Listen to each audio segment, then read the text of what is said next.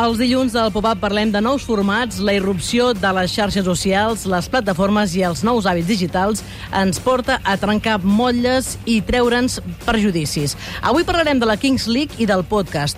El show ideat de Piqué seria impossible d'imaginar sense xarxes i precisament s'ha imaginat des de les xarxes.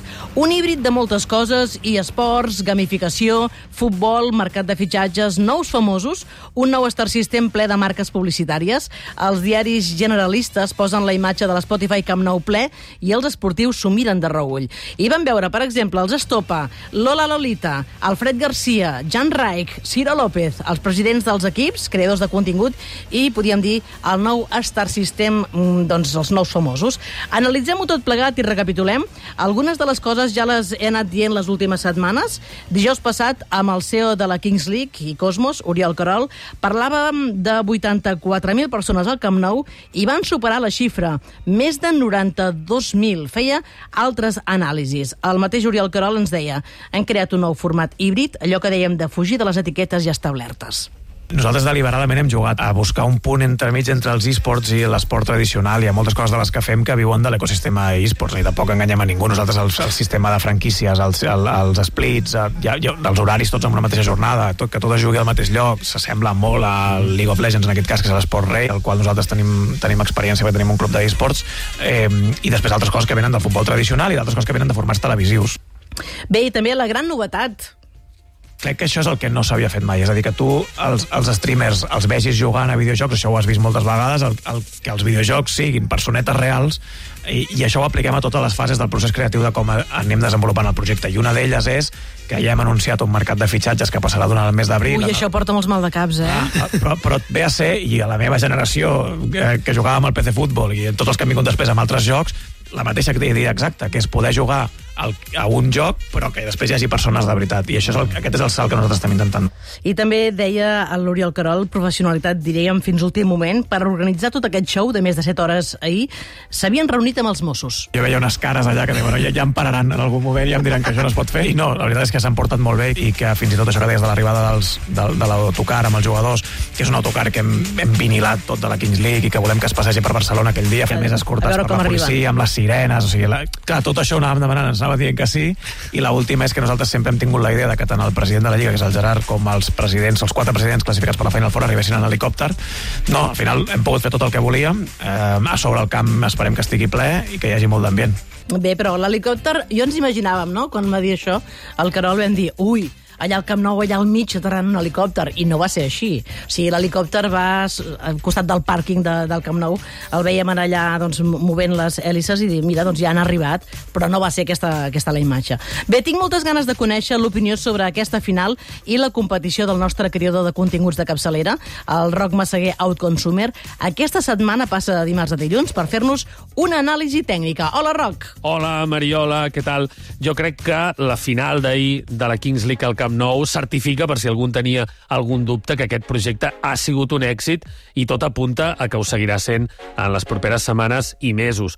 Més de dos milions d'espectadors sumant totes les xarxes, 92.000 persones al Camp Nou, els presidents i els jugadors implicats, plorant eh, si perdien, plorant si guanyaven, un gran show que importava a la gent i que ha importat també en els mitjans. Els mitjans de comunicació tradicionals ja han deixat de parlar-ne com una broma o fins i tot obviar-ho i la majoria doncs, ja ho tracten des d'un punt de vista del respecte o de, de la curiositat, fins i tot d'intentar entendre per què ha funcionat. Ho vam veure, doncs, per exemple, TV3 també va fer una cobertura de la final i aquí, evidentment, el pop-up ja fa molt temps que en parlem, no?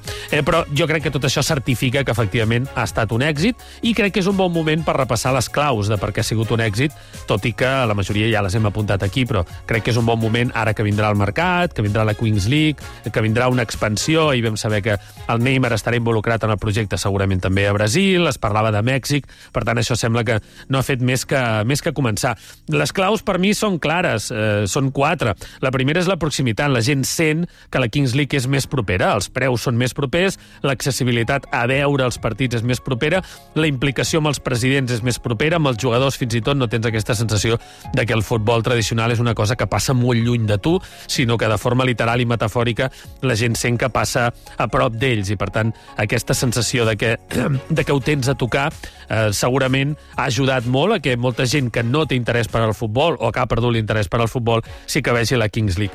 La segona seria la capacitat que han tingut de crear un producte modern, adequat a l'actualitat, un producte més ràpid, un producte més divertit, un producte serialitzat, és a dir, que no només són els partits el que importa, sinó que qualsevol producte generat al voltant de la Lliga et sembla interessant perquè la Lliga t'importa, eh, la química, la la imprevisibilitat, ahir ho vam veure també, va guanyar l'equip menys favorit de tots, eh, qualsevol moment tot pot canviar, tenim presidents, tenim gent que no juga a futbol, que baixa a xutar un penal i no sap si la tirarà als núvols o la ficarà, tot això ajuda. Després, evidentment, la implicació dels presidents era un dels dubtes que teníem i els vam veure plorant, els vam veure l'Adri Contreras, el campió, amb la seva mare allà.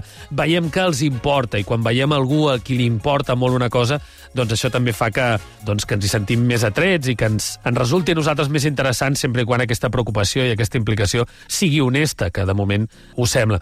I per últim, la novetat. Han sigut capaços de crear novetats constantment. Funcionarà aquest format de final a 4 quan sigui la setena edició? Edició? No ho sabem, però sempre han posat coses noves. I ara tenim les cartes dels presidents, ja tenim els penals dels presidents, ja tenim un jugador misteriós, i ara tenim un president que juga, i ara tenim el Ronaldinho, i ara tenim una Final Four, i ara tenim un nou format de no sé què, i ara tenim una altra cosa que no havia passat mai, no? Aquesta constant reinvenció per constantment afegir coses noves fa que tot eh, sigui sempre la primera vegada que passa i que, per tant, ens cridi l'atenció. Aquest creixement és impossible que sigui infinit, però de moment han demostrat que són capaços d'anar creant coses sobre la marxa. Per tant, tot té la sensació de que anirà cap endavant, de que anirà creixent i sobretot ens hem de quedar amb que ha sigut un èxit també econòmic. Veurem com resolen els problemes que se'ls hi posen ara per davant, en parlarem també aquí, però de moment el balanç per mi és d'un 10 sobre 10. Bé, doncs aquesta és l'opinió del nostre creador de continguts de capçalera, el periodista Roc Massaguer Outconsumer. Pel que fa al català, és evident que anirà una miqueta més. Fins i tot hi ha creadors de continguts de l'Amèrica Llatina que han après paraules en català. Com diu la Sílvia Creus, al canal de Twitch es parlava català tota l'estona, eh, Sílvia? Doncs sí, es feien constants eh, frases, mm, frases fetes. Eh, jo ho vaig trobar bastant curiós. És curiós perquè, o sigui, parlen normalment en castellà i fan la broma en català, a diferència de molts catalans, que a vegades se'ns passa, no sé per què, que, que es, es parla català i es fa la brometa en castellà, doncs és una mica al revés. Va, mirem una mica les xarxes, encara hi ha ressaca de la Kings League? Sí, amb l'etiqueta Kings League F4 i les paraules Kings League, que són ara mateix número 1 al Trending Topics, han fet més de 100.000 tuits les últimes hores, més de 53.000 amb el nom de Gerard Piqué i 60.000 amb els d'Adri Contreras i El Barri. Es comenten les espectaculars dades finals de l'esdeveniment. A banda del Camp Nou ple, 1,38 milions d'espectadors de mitjana a Twitch i 2,16 milions al Minut d'Or que va coincidir amb la final. Per cert, que entre la visita del CEO de la Kings League, Oriol Carol, al pop-up dimarts passat i avui, 100.000 persones s'han subscrit al canal de Twitch de la Kings League i també ha crescut en seguidors les seves xarxes. 200.000 més seguidors a Instagram i 400.000 a, Twitch, a, a Twitch. Perdó, a TikTok. A TikTok. En aquesta plataforma, a TikTok, un dels vídeos més vistos, després del de DJ Mario fent cridar sí a tot el Camp Nou, com Cristiano Ronaldo, és el del segrest eh, de Gerard Piqué per ordres de Neymar, que a canvi d'alliberar-lo li va exigir dirigir un equip de la Kings League. I és que ahir es va anunciar que Ney presidirà un dels equips de la Kings League Brasil. Qui no n'hagi tingut prou pot tornar a veure tota la Final Four. Les 7 hores, 6 minuts i 20 segons al canal de Twitch de la Kings League, on ja té 15 milions 300.000 visualitzacions, o al canal de YouTube també de la Kings League Infojobs, on l'ha vist gairebé 5 milions d'espectadors i que, com era d'esperar, s'ha col·locat al número 1 de les tendències. I és curiós perquè durant la Lliga no s'ha fet a YouTube i en aquest cas la, la final sí que la van fer per YouTube, per Twitch i per TikTok.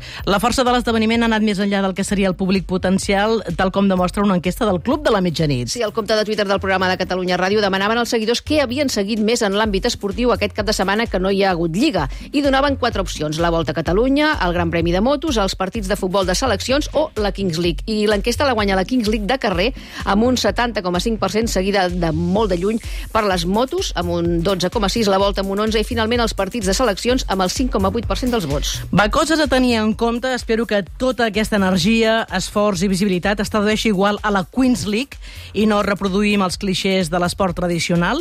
De moment, la competició la guanya per mi la Maria Teresa i TikTok. Hi havia un cert classisme entre els creadors de contingut perquè Adri Contreras era tiktoker i no era streamer, no era director de Twitch. El tiktoker Adri Contreras, doncs, amb el Barrio, ha guanyat la competició i ha decidit portar la seva mare, una lliçó també. Molts nanos al camp, orgullosos d'anar-hi en família i veure la competició amb els pares i les mares.